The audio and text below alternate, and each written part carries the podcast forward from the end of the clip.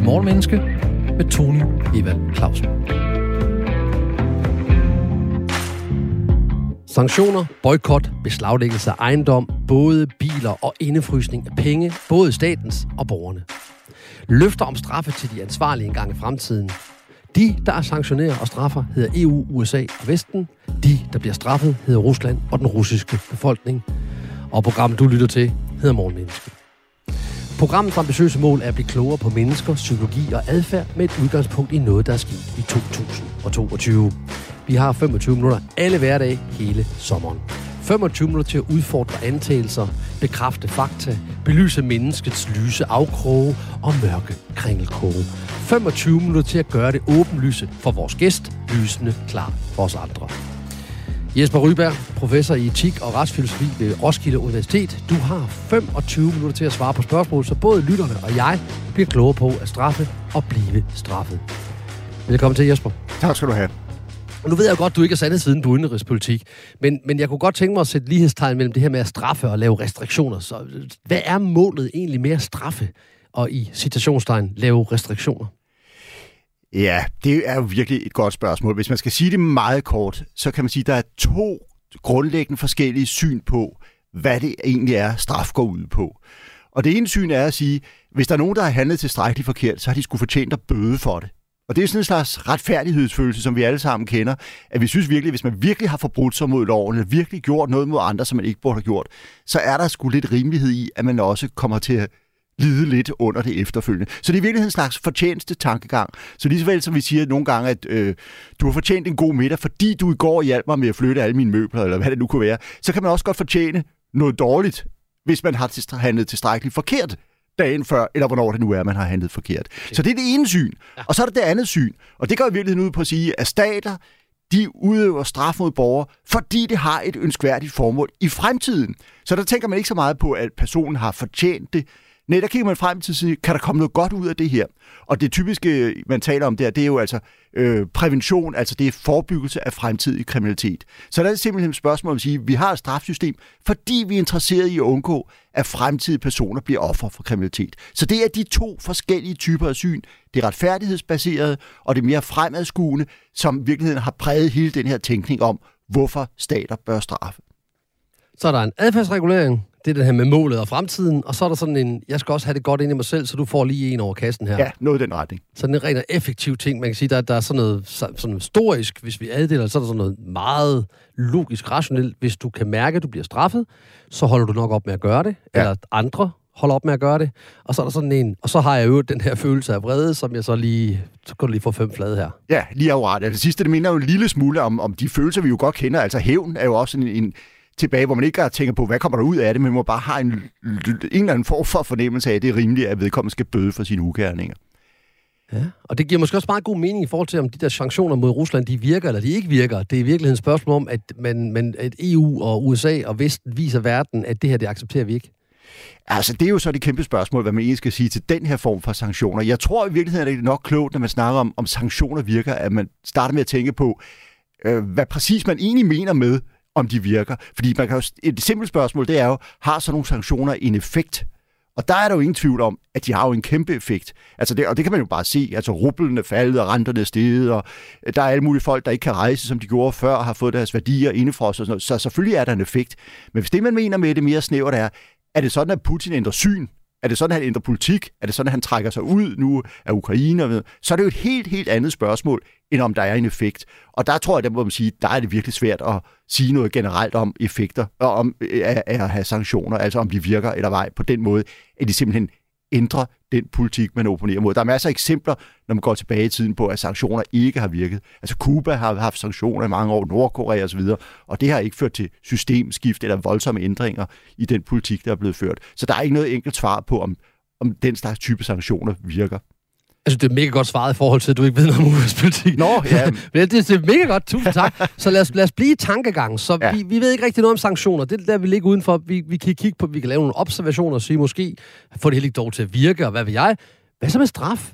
Altså, er straf ja. adfærdsregulerende, eller er det bare noget, vi fortæller os selv, at så gør vi noget, og så har det mindste gjort et eller andet? Ja, også her, der tror jeg, det, der bliver sgu også nødt til at nuancere tingene en lille smule. Hvad? Mere ja, nuancering? Ja, ja, ja. Okay, så, så det er verden jo Vi har kun 25 minutter, gange, så du må gøre det så, så, så Det godt, synes jeg lyder godt. Værsgo. Man, man kan gøre det på den her måde. Man kan sige, det, at man har et straffesystem, det, at vi i Danmark har en straffelovgivning og en straffepraksis, domstol osv., der er ingen tvivl om, at det har en adfærdsregulerende effekt. Forstået sådan, at hvis man droppede enhver form for straf, så vil folks adfærds, adfærd komme til at ændre sig. Det er der nok ikke nogen tvivl om på mange måder. Så det, at vi overhovedet har et sanktionssystem, det spiller ind på, hvordan vi handler, hvordan vi køber ind, eller hvordan vi opfører os over for andre.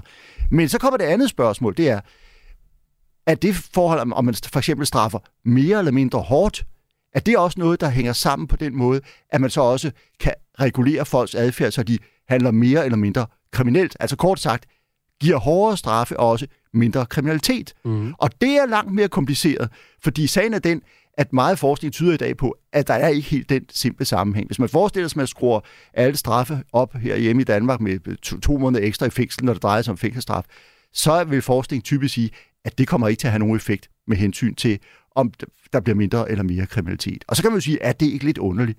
Man skulle tro, at vi var interesseret i at undgå straf, og specielt hårdere straffe, så, og derfor vi også ville handle mindre kriminelt. Men forklaringen er jo øh, flere, men den åbenlyse forklaring er for det første, at vi mennesker ofte handler på baggrund af andet, end at vi bare afvejer fordele og ulemper. Så det er ikke sådan, altså hvis, for at tage et meget simpelt eksempel, hvis man står ude for et diskotek og er blevet meget ophidset og ovenkøbet er lidt fuld, så står man ikke og tænker på, hvor meget er det lige strafferamme er, og hvad er straffepraksis i øjeblikket, hvis man er ved at komme op og slås med en anden person. Det er slet ikke det, der styrer ens adfærd i sådan et tilfælde, men nogle helt andre former for stærke følelser. Og så er den anden ting, som jo også er vigtigt at huske, at vi danskere og befolkninger i det hele taget i lande, er ofte meget dårligt informeret om, hvor, hvor hårde straffene egentlig er i vores land. Og det betyder også, at hvis man skruer straffene op med et par måneder ekstra i fængsel, så ved vi det alligevel ikke. Og det har masser af undersøgelser vist gennem tiden, at vi simpelthen ikke ved, hvor hårdt man straffer. Jeg kunne jo nu, nu skal jeg nok være ved at provokere studieverden i programmet her, ikke? Men jeg gerne. kunne jo godt, jeg kunne det kan godt, godt lide. Det have spurgt dig, hvor meget tror du, man får, hvis man slår en anden i ansigtet med et slag, så vedkommendes læbe bløder, men der sker ikke noget andet. Man skal ikke på skadestue og tandlæge. Altså, hvor meget får man for det er sådan en almindelig type forbrydelse, der finder sted sikkert i mange dele af landet en fredag aften, kunne man forestille sig. Hvad får man for det? Hvis man spørger danskere om det, så er det meget få, der ved det. Og hvis man går i gang med alle de andre hundredvis af forbrydelser, der findes i vores straffelov, og ser på, hvad er egentlig straffepraksis ved domstolene, ja, så ved vi det som almindelige, menige borgere simpelthen ikke. Så lad os nu bare sige, at Chris Rock, han blødte en lille bitte smule ud af den ene mundvige, efter at Will Smith gav ham sådan en på småt. Ja, ja. Det, hvad, hvad så? Altså, nu tør jeg ikke gætte, fordi sæt nu, altså, det er også god radio, jeg ikke gætter. Medmindre jeg gætter forkert, så er det ja, ja. vildt god radio. Så jeg tiger stille. Hvad er straframmen? Ja, selve straffe, det er jo også det, der gør det kompliceret. Fordi hvis man slår op i vores straffelovgivning, så kan man se, at det hedder strafferammer. Og det betyder, at man får en ramme, siger, at den her type forbrydelse straffes med, det kan være fængsel, ikke? op til et eller andet. Og så det er jo sådan den, en angivelse af maksimumstraffen, man kan få for den forbrydelse. Men det er jo noget helt andet end straffepraksis, altså mm. de domme, der faktisk gives ved vores domstole, de kan jo ligge meget, meget under den maksimale straf af mange forskellige grunde. Så derfor kan man ikke, selv hvis man var en nysgerrig borger, der sagde, nu vil jeg virkelig finde ud af, hvad får man egentlig for den her forbrydelse, så skynder man sig at slå op i straffeloven, ja, så får man faktisk ikke svar på, hvad er de faktiske straffe i vores land. De ligger på et eller andet niveau inden for strafferammen, men strafferammen kan være meget vid. Så derfor har vi som borger meget lidt adgang til at overhovedet få informationer om, hvor hårdt der straffes. Og det, der så viser sig, som jeg synes er interessant, det er, at de undersøgelser, der er lavet herhjemme, og som øvrigt også er lavet mange af i udlandet, de viser typisk, at vi tror, at man straffer meget mildere, end det er tilfældet. Så vi, vi, hvis, vi, vi er faktisk tilbøjelige til at tro, at det, der foregår ved domstolen, er meget mildere, end det faktisk er. Altså hvis man for eksempel tager sådan et, et tilfælde med en, der som jeg før slog en anden, så vil mange... Ja, altså, jeg, jeg ja, står stadigvæk og venter på, hvad skal Will Smith, hvad skal han have ja, for det her så i Danmark? Vil, så vil mange gætte på, at man i hvert fald ikke kan få en fængselsstraf for det. Altså hvis man virkelig har givet knytteslag til en anden, så kan det være, at man får en eller anden form for advarsel eller bøde eller, eller betinget straf, men man kan ja. i hvert fald ikke komme i fængsel. Men det kan du godt. Du kan faktisk godt komme ind her. Det kan, altså, følge stedet afhænger det af de præcise omstændigheder, men du kan komme ind og måske og sidde i, i seks uger i fængsel, eller to måneder i fængsel for den type forbrydelse. Ikke? Okay. Så, det, så det afhænger meget af øh, præcise omstændigheder. Det er sådan noget, en dommer skal finde ud af i en sag. Ikke? Men det interessante er, at hvis man gjorde det, som journalister jo også godt kan lide, og nu ved jeg ikke, om du har gjort det, men det kan man jo godt lide typisk som journalister, man stiller sig op med en mikrofon i hånden og laver det, der hedder voxpop, hvor man spørger folk om noget på strøget, eller hvor det nu kan være i en by, og siger, siger til folk, synes du, man skal straffe hårdere? Så viser undersøgelser herhjemmefra, at cirka 75 procent, altså tre fjerdedel af dem, der bliver spurgt, de svarer, ja, jeg synes egentlig, man skal straffe hårdere. Og det gælder ikke kun i Danmark, det gælder også, hvis man spørger de tilsamme spørgsmål i USA, hvor man jo straffer langt, langt hårdere, end man gør i Danmark. Og selv på Barbados har man lavet den slags undersøgelser, og der synes folk også, man skal straffe hårdere. Men hvis man så spørger, øh, ved du egentlig, hvor hårdt man straffer? Så siger folk, nej, det, det må jeg indrømme, det ved jeg faktisk ikke. Og det sjove er så, og det har man lavet undersøgelser her hjemme i Danmark, så siger der et tredje spørgsmål, hvor siger, nu får du en række forskellige forbrydelser, nu beskriver jeg dem for, dem for dig, og så kan du sige, hvad du synes er passende straf. Så viser det sig i en del tilfælde, at folks egen vurdering af, hvad der er passende straf, ligger under det niveau, der gives ved domstolen. Så, så folk bare skal svare generelt, så siger de, jeg synes, man skal straffe hårdere. Jeg ved ikke, hvor hårdt man straffer.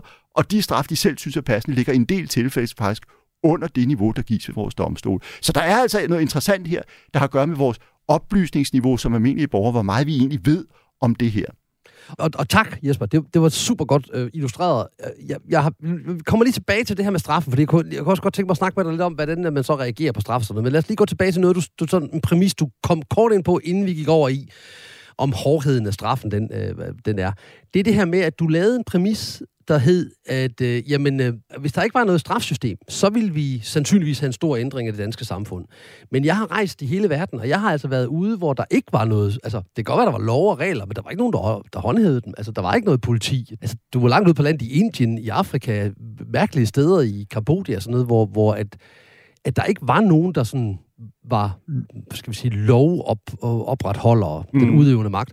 Men øhm, folk de opfører sig forbløffende pænt alligevel. Altså, der var ja. stadigvæk ikke nogen, der sådan stjal, og der var ikke nogen, der slog hinanden ihjel, og øhm, man holdt tilbage i trafikken. Altså, det var, det var som om, at, at, at selvom der ikke var nogen, der kunne straffe, så var der et eller andet form for selvregulering. Og det er jeg slet ikke i tvivl om, at der vil være. Altså, det er naivt at tro, at vi mennesker bare er skruet sådan sammen, at vi hele tiden tænker, hvad kan betale sig for mig nu? Og kan det betale sig for mig at snå, betale for den her liter mælk ned i Irma, eller kan det betale sig for mig ikke at betale, og, hvis, og jeg snupper den bare, hvis, hvis øh, det kan betale sig for mig at snuppe det, når man så må sige. Altså hvis jeg ikke får nogen straf. Mm. Altså helt så, så nogle regnestykker er ikke det eneste, der styrer menneskelig adfærd. Det er helt sikkert. En anden ting, der styrer os, det er jo i virkeligheden vores moral. Hvad synes vi, hvordan synes vi, vi bør handle? Altså jeg mener, selvom man forestiller sig, at der ikke var nogen straf for mor, så er det jo ikke sådan, at vi vil fare ud og slå mennesker ihjel omkring os, fordi vi, det har vi ikke lyst til. Vi synes, det er forkert at gøre, uanset hvad straffen i øvrigt måtte være. Altså, det er jo mor. interessant, fordi det ligger jo nogle gange i nogle af de præmisser, vi snakker om, at, at hvis der ikke var en straf, så ville folk, så ville det være anarki. Ja, men altså, jeg, jeg er helt sikker på, at vores handlinger er styret af meget andet af moral. Det er også styret af vaner, hvordan er vi vant til at handle over for andre, osv., som ikke kun har at gøre med vores frygt for, at vi får en straf. Men straffen kom, spiller, det, at der er et strafsystem, spiller formentlig ind på en lang række typer af forbrydelser. Altså, at vi har hastighedsbegrænsninger, og du kan få en straf, hvis du kører for hurtigt, spiller formentlig ind i en del tilfælde, hvor folk siger, hov, hov, nu kommer jeg til at køre lidt for hurtigt, nu må jeg regulere det, frem for hvis de bare kørte, som de havde lyst til, og der ikke var nogen typer sanktioner. Så at der er strafsystem, det tror jeg, de fleste vil være enige om i dag det spiller en rolle, men det er ikke det eneste, der styrer menneskelig adfærd langt fra. Og, og det synes jeg var vigtigt lige at komme ind under, fordi at der er nemlig også den her sociale aspekt i det. Altså, hvordan bliver jeg oplevet at mine sociale relationer, hvis jeg kører for stærkt? Altså, på Villavejen, hvor jeg bor, er der jo nogen, der kører meget stærkt, og der er jo børn. Og den adfærdsregulerende samtale hjalp jo, at de ikke kørte så stærkt mere. Der var der lige så var nogle naboer, der gik over stille og roligt og sagde, åh, er du ikke sød at lade være med at køre så stærkt? Jeg er bange for mine børn. Øh, det var, det var ikke nogen straf, det var en, en samtale om, gider du lige passe på din speeder? Og det ja. hjalp det i hvert fald for nogens vedkommende, uden at vi skulle have fat i landbetjenten derude, hvor jeg bor. Ja, og det er jo klart, og det er jo netop det interessante spørgsmål, hvis man har det syn på straf, som jeg præsenterede før, som det andet syn, nemlig at grunden til, at vi skal have et strafsystem, er, at, vi, at det kan være et instrument til at prøve at forhindre fremtidig mm. kriminalitet. Så hvis man har det syn, så er det jo også vigtigt altid at spørge, er den bedste måde at forhindre fremtidig kriminalitet på, at det er altid straf? Og det er det formentlig i nogle tilfælde, men der kan også være andre tilfælde, hvor man siger, nej, her er det faktisk bedre, hvis vi forhindrer straf. På en anden måde, lige så vel som du siger, at man måske tager en fornuftig snak med, med dem, der kører for hurtigt, og så kan det at sige, okay, det har jeg sgu ikke tænkt over, eller nu skal jeg nok lige huske på det næste gang, jeg kommer kørende, eller et eller andet. Så kan der også være tilfælde, hvor det ikke nødvendigvis er det mest effektive at straffe, men hvor det er andre former for handlinger, der måske kunne have betydning for, om folk falder tilbage i kriminalitet eller ej. Er det noget, du har kigget på, altså hvad det kunne være? Jamen, der er jo i dag et helt arsenal af alternative måder at reagere på. Altså, indtil i Danmark gør vi jo også noget, når folk kommer i fængsel. Vi er jo ikke interesseret i, at de kun skal sidde derinde. I hvert fald har vi officielt en masse forsøg på at prøve at sige, at vi skal også resocialisere på forskellige måder. Man kan gennemgå kurser eller uddannelser, sådan noget, så man ikke bliver for distanceret fra det samfund, man forhåbentlig skal komme ud og leve bag efter, i bagefter, og dermed også for svære ved at faktisk kunne leve der. Ikke? I praksis kan det være svært at gøre sådan nogle ting, fordi der mangler fængselspersonale, fordi der ikke bruges så mange penge på det, som kunne være ønskværdigt osv. Men det er dog en intention, at folk skal kunne fungere bagefter. Og i nogle tilfælde, der vil man så købe gå skridtet videre og sige, godt at have personen måske her handlet forkert, men det er ikke sikkert, at det bedste, vi kan gøre, er at bruge nogle penge på, ved at sætte personen ind tre måneder i, i fængsel. Altså i, i Norge, der har man for eksempel mange tilfælde af forbrydelser, der er mindre alvorlige forbrydelser, skal siges, der håndteres ved, at man sætter offer og gerningsmand sammen. Og så kan offeret sige, prøv lige at høre, hvad du gjorde ved mig. Hvordan det gik ud over mig. Nu har jeg mistet det og det. Og det var virkelig meget hårdt. Eller jeg sover ikke godt om natten. Eller hvad det nu kan være. Og så efterfølgende, så hvis gerningsmanden er med til at lytte på det her, og virker ærlig og går med til det, ja, så sætter man nogle gange det her i stedet for, at vedkommende måske bare skal betale en bøde, eller skulle ind og sidde øh, et par uger i, i fængsel. Øhm, og det kan, kan vise sig i en del tilfælde måske være effektivt, hvis man er interesseret i at forhindre os fremtidig kriminalitet. Så, så, så har man så også målt på, om de så går ud og laver lignende kriminalitet igen? Altså om de, du ved, så siger ja, ja, jeg vil gerne øh, mødes med, med Jesper, og okay Jesper, jeg stak dig en flad, og det, det er jeg sgu ked af, og det var lige mig, og jeg havde lige, og du var fræk, og der, der, det holder jeg op med, det lover jeg. Øh, har man så, og, og, så får jeg måske en fra strafnedsættelse, eller skal ikke noget som helst, og, og du har fået en undskyldning, og vi går fra hinanden. Er der så nogen, har der så nogen kigget på, om, om jeg så går ud og gør det igen? Ja, altså... der er lavet nogle studier i udlandet ja. over den her type ting, der tyder på, at visse typer af kriminalitet, der har det til synligheden en, en slags præventiv effekt, også for den, altså, der har begået forbrydelsen. Ja. Plus, at der er den yderligere ting, at i en del tilfælde kan så nogle typer af konfrontationer der mellem offer og gerningsmand i nogle tilfælde virkelig også være gavnlige for offeret. Fordi man skal huske en ting, at som offer kan man virkelig være ramt meget, meget hårdere, end man tror også, at enkelt, altså sådan noget som for eksempel et indbrud i et hjem. Det tænker vi, her Gud, man kan få stjålet sit fjernsyn eller sådan noget. Men de psykiske omkostninger ved at have et indbrud i sit hjem, de er ofte mm. langt, langt større end de materielle. Folk kan ligge om natten og ikke sove i måneder efter, når de hører nogen, der pusler, der er en lyd osv. Det er virkelig voldsomt, den måde, man kan blive påvirket psykisk af, at nogen har været inde på ens private domæne og gå rundt, også selvom de materielle omkostninger har været få. Og der kan det pludselig sidde over for en gerningsmand, der siger, okay, det må du sgu undskylde, eller jeg gør det ikke igen, eller jeg kan huske, jeg hørte engang en historie, hvor en øh, kriminel sag. jeg skal love det, jeg begår aldrig forbrydelsen mere mod dig. og, og sådan noget, det virker faktisk nogle gange for et offer. Så der er forskellige måder, man kan prøve at tænke på, andet end det, vi måske er vant til at tænke på, om at det bare gælder om at få sat en person bag lås og slå hurtigst muligt. Ja, så, så, så der er mere i det. Altså, der er også, vi skal også passe på, altså, hvad, hvad, hvad, hvad kalder man det? Ret, retsfølelsen. Så den kan, den kan faktisk blive opretholdt, hvis man siger, at jeg kan møde min, min gerningsperson, altså den, der har brudt ind i mit hjem, samtidig med, at det også kan have en, en forebyggende effekt på, på, på gerningspersonen, altså den, der gjorde det, og så kan jeg få det bedre. Jeg, jeg nu skal ikke gå og være bange for, at han bryder ind i mit hjem igen. Ja, i nogle tilfælde. Ikke? Ja. Og, men det er jo ja. klart, der er også en risiko ved sådan et system, ikke? fordi det kan jo godt være, at gerningsmanden bare prøver at snyde sig igennem, og i virkeligheden er ligeglad og sådan noget. Og, det, det, og, det er, og det er en risiko er der jo bestemt også. Ja. Og den må man så prøve at tage højde for at virke, se, virker det faktisk ærligt det her?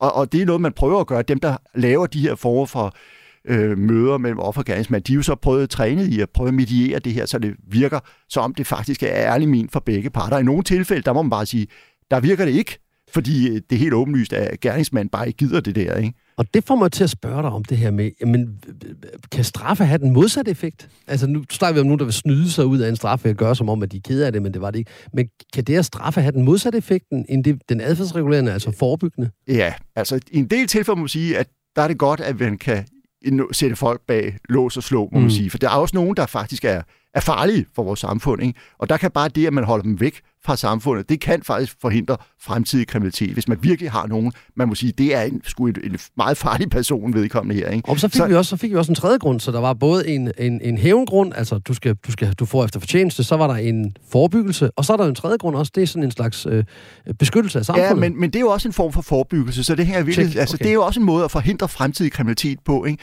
Man kan gøre det ved, at vedkommende siger, oh, nu, nu tør jeg ikke begå ny kriminalitet kriminalitet, for jeg har oplevet det at få en straf. Men en anden måde, man kan forebygge kriminalitet på, det er også at sørge for, at folk ikke kan begå nye forbrydelser. Udtaget. Ved simpelthen at afskærme dem, om man så må sige, fra, fra samfundet i en periode, eller hvor lang tid der nu skal til. Ikke? Øhm, og, og, så der er ingen tvivl om, at den her type af straffe i nogle tilfælde er, er rimelig nok. Men hvis man ser på nogle af de undersøgelser, der er lavet i udlandet, så er der også en del tilfælde, hvor kriminologer og andre forskere har sagt, at det at spære folk ind i lang tid, det kan ofte, i modsætning til hvad man måske ellers kunne finde på at tiltage, medføre mere kriminalitet, når folk kommer ud, fordi man er afskærmet fra samfundet så lang tid, at man mister sin almindelige øh, dulighed til at indgå i det almindelige samfund, simpelthen, når man er spærret inde så lang tid. Plus man omgås måske kriminelle, der ikke har helt samme normer, som hvis man er uden for samfundet, ja. og så videre. Så man mister nogle sociale kompetencer, der gør, at det er endnu sværere for en at leve, når man kommer ud. Og så er der også den yderligere ting, som man jo har i en del lande, at i nogle tilfælde skal folk jo, når de så kommer ud af fængsel, og måske har mistet sociale relationer, familie, et sted at bo, så skal man også i en del tilfælde betale for sagens omkostninger. Så du kan komme ud og sige, okay, nu skal jeg i princippet starte et nyt liv. Her kommer en regning på 200.000, som du skal betale til samfundet. Og så er det klart, så har man ikke gode odds med, med sig, hvis man siger, okay, nu vil jeg starte på at leve et, et lovlydigt liv, når man starter at komme ud og i virkeligheden skylder en masse penge væk. Og det er jo noget, vi ikke tænker på. Når Vi har, jeg, du ved, jeg har haft indbrud i mit hjem, øh, eller, eller der er en, der har overfaldet mig, eller en, der har stjålet mine penge, eller hvad vi er. Ja, så tænker jeg jo på den der følelse, den der effektive følelse, at han, skal, han eller hun skal straffes. Men jeg har ikke tænkt over, at det faktisk gør dem til bedre kriminelle ved at sætte dem i fængsel. Og selvfølgelig har jeg ikke det, fordi jeg har aldrig været i fængsel. Men det er klart, du øh, er spadet ind sammen med andre, der også er forbrydere. Du mister alle de sociale kompetencer. Dine venner bliver forbrydere. Ja, det giver god mening, at det kan have den modsatte effekt. Altså, ja. man faktisk bliver en bedre kriminel at komme i fængsel. Ja, altså kriminelle er jo ikke spor anderledes end folk, der ikke er kriminelle. Vi bliver alle sammen påvirket af vores omgivelser, ja. de mennesker, vi omgås. Sådan er det bare, ikke? så svaret på spørgsmålet, ja, det kan faktisk have den modsatte effekt. Ja, og, og der er jo så nogle lidt sjove tilfælde, når vi nu snakker så ikke nødvendigvis kun straffelovgivning, øh, men hvis vi snakker mere generelt, det at lave sanktioner. Altså, der er jo nogle, synes jeg, rigtig pudsige tilfælde. For eksempel er der et tilfælde fra en børnehave i England, hvor det var sådan, at forældrene, det sker sikkert også i Danmark, kunne jeg forestille mig med jævne mellemrum, at forældrene kommer for sent, når de skal hente deres børn. Så de stakkels pædagoger står der og siger, ja, nu lukker vi altså her klokken 5, og hvor er de forældre henne, der nu skulle komme og hente deres børn? Og så kommer de en halv time for sent, eller hvad det kunne være. Og det var de i den her børnehave ret træt af. Så på et tidspunkt besluttede de sig, sige, nu laver vi sgu altså simpelthen en bøde. Så folk skal simpelthen betale, når de kommer for sent, fordi så kan vi få afhjulpet det her problem med, at folk kommer for sent. Og det viser sig faktisk, at det havde den stik den modsatte effekt. Folk pludselig steg mængden af forældre, der kom for sent til at hente deres børn. Og så kan man sige, det er da virkelig underligt. Ud fra sådan en god økonomisk måde at tænke på, skulle man tro, at folk var afskrækket til at komme for sent, nu når der er en bøde hæftet ved det. Ja. Men folk opfattede det lige omvendt. De opfattede det nu som, at de bare kunne betale sig fra at komme sent. Så det var en pris, der blev pludselig besat på det. Nu er det ikke længere deres moral, man skulle appellere til. Nu blev det en vare, hvor man bare sige, okay, jeg betaler bare, og så kommer jeg en time for sent, så har jeg ligesom betalt det, det koster at, have mit, at komme en time for sent. Så det havde stik den modsatte effekt. Så der er altså, vores, man kan sige, den menneskelige psykologi er ikke enkel, når det kommer til spørgsmål om, hvordan vi reagerer på straf og sanktioner. Og det giver jo sådan en ret, ret god sådan, sådan callback til, hvad vi startede med med Putin og øh, Rusland, og så, så kan han have en oplevelse af, at de her sanktioner og straffe, der bliver nedlagt over hans land nu, jamen det er jo det, det bare det koster for mig at tage Ukraine. Ja, det kan man da godt forestille sig. Det er jo klart, han ved jo godt, at der kommer sanktioner. Nu kan det godt være, at de er blevet hårdere, end han måske har regnet med. Han det fortæller ved jo vi godt, i hvert fald os selv, at vi antager. Og hvis man tænker på nogle af de her øh, mange milliardærer, som jo han, han omgås med, øh, så er de jo nok ikke dummere, end at de også har vidst, at hvis der på et tidspunkt kommer nogle problemer, og så kommer sanktioner, så, så er jeg nok interesseret i at beholde noget af min formue, så må ikke de fleste af dem virkelig har sikret sig i alle ender og kanter.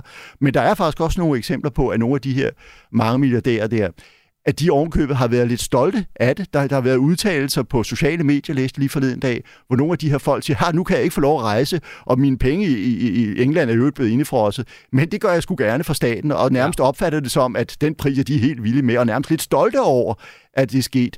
Øh, så, så som sagt, man kan godt forestille sig selv i sådan nogle tilfælde som sanktioner, at folk reagerer anderledes end bare at sige, hov, nu må jeg straks makke ret. Ja, og så, og så vil jeg bare lige sådan i enden at sige, det kan også være motiveret af det faktum, at øh, vi har jo altså set øh, tidligere politikere og tidligere spioner, der er flyttet til Vesten, sådan øh, at komme af dage på de mærkeligste måder med polonium i kaffen eller i teen, med diverse giftgasser og alt sådan noget, som, som havde jo fingeraftrykket, i den grad fingeraftrykket fra, hvor det kom fra. Det kunne de have gjort på mange andre måder.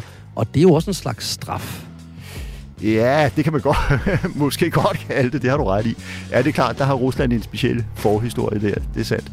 Og således formidlet og forhåbentlig beriget gik vi sammen på efterforskning, straf og sanktioner. Så kan du lære det, eller kan du. Tak til vores tænksomme, tiltalende og veltalende gæst, Jesper Ryberg, professor i etik og retsfilosofi ved Roskilde Universitet. Tak fordi du kom, Jesper. Ja, selv tak. Det var en fornøjelse. Af hjertet og hjernen tak. Du kan høre meget mere Morgenmenneske på Radio 4-appen, eller der, hvor du henter dine podcasts. Programmet er produceret af Only Human Media. Jeg hedder Tony Evald Clausen, og det bliver jeg efter planen ved med. Vi høres